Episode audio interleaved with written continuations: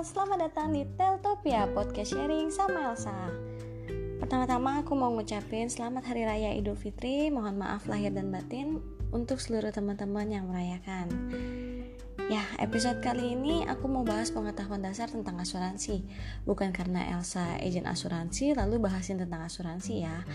Aku cuma mau menambah pengetahuan, mungkin ada teman-teman yang belum tahu.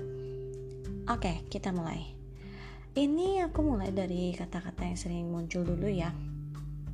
Jadi mungkin ada teman-teman yang masih bingung eh, bahasa-bahasa asuransi itu dasar-dasarnya aja waktu pertama kali aku belajar itu memang rada bikin bingung. Ada tertanggung penanggung polis asuransi premi asuransi dan sebagainya dan sebagainya. Kayak aduh ini untuk orang awam rada susah ya. Dan toh kan aku kalau misalnya mau jualan produk asuransi aku harus ujian dulu.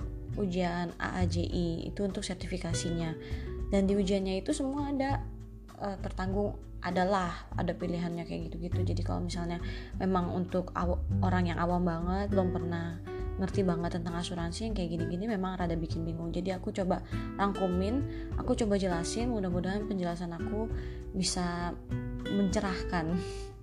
Oke yang nomor satu Nomor satu adalah tertanggung.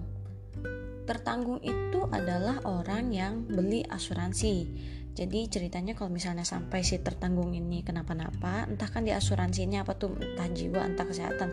Kalau misalnya anggaplah jiwa, kalau misalnya tertanggung ini sampai meninggal, berarti uh, akan ada sejumlah uang pertanggungan yang diberikan dari penanggung.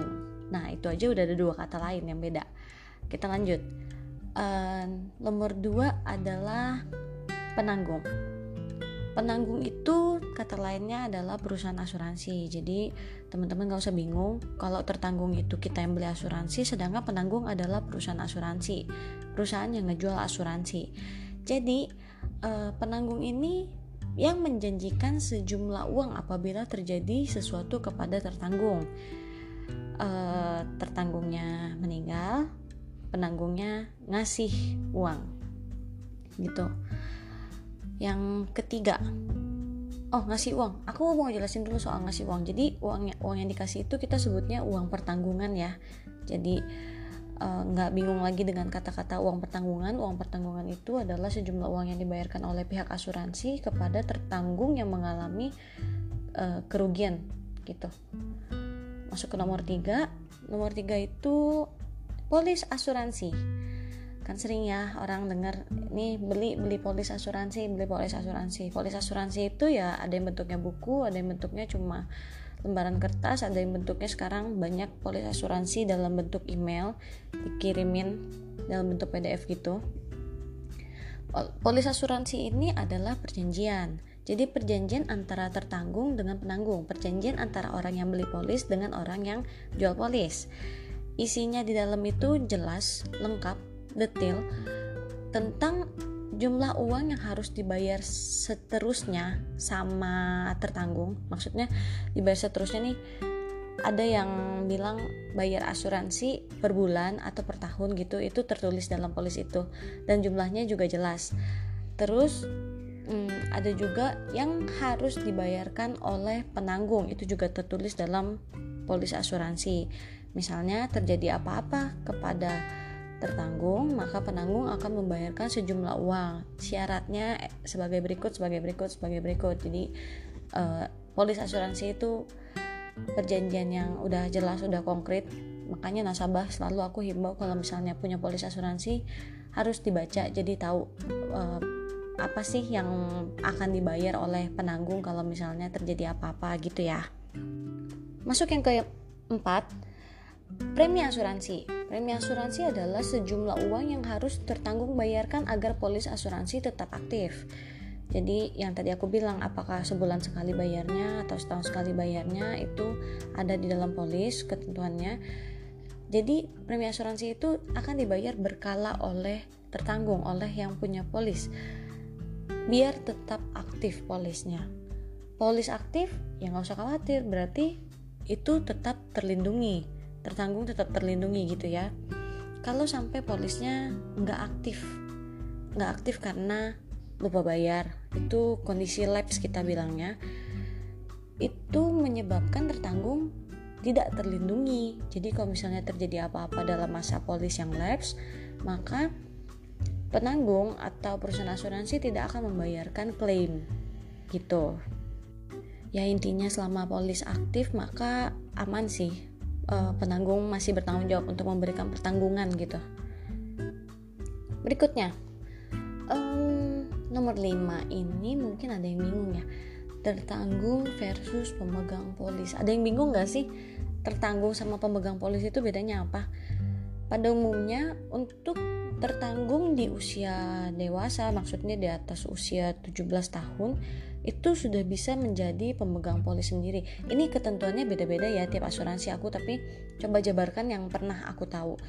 Jadi tertanggung pemegang polis itu biasanya orang yang sama apabila tertanggung sudah memasuki usia dewasa. Tapi bisa juga berbeda misalnya gini. Aku yang punya uang aku jadi pemegang polis. Aku beliin polis untuk mamaku karena mamaku misalnya sudah tidak bekerja lagi terus aku beliin dia beliin mamaku polis. Nah mamaku ini jadi tertanggung dan aku jadi pemegang polis gitu. Jadi tolak ukurnya pemegang polis adalah orang yang mengeluarkan uangnya dan tertanggung tetap ya orang yang kalau misalnya sampai kejadian apa-apa itulah orang yang ditanggung oleh asuransi gitu ya. Atau bisa juga contoh lainnya misalnya aku punya anak.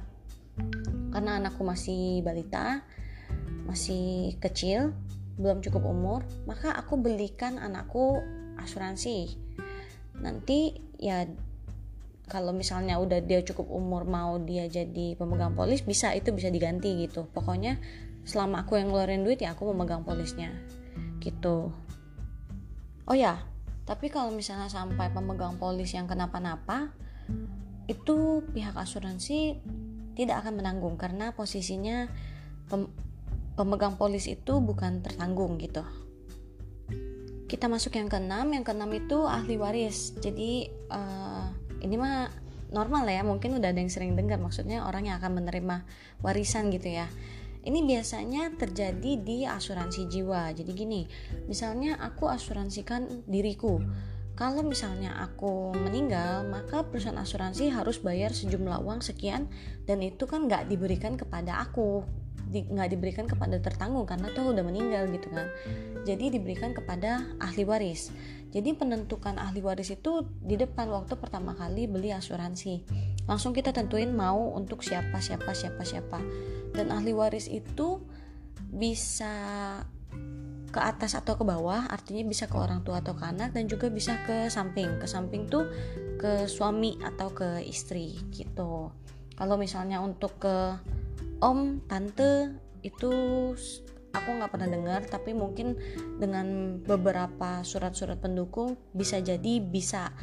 Sama aku juga pernah ngasih ahli waris untuk adikku. Kayaknya waktu itu termnya karena belum menikah jadi boleh untuk uh, saudara kandung gitu. Nanti aku akan coba cari tahu lagi soalnya ini memang tiap asuransi juga bisa jadi berbeda buat tapi yang jelas ke atas dan ke bawah itu beneran boleh. Jadi buat orang tua kita boleh atau buat anak kita boleh. Gitu. Oke itu kata-kata dasar yang pada umumnya sering muncul dalam mm, dunia asuransi.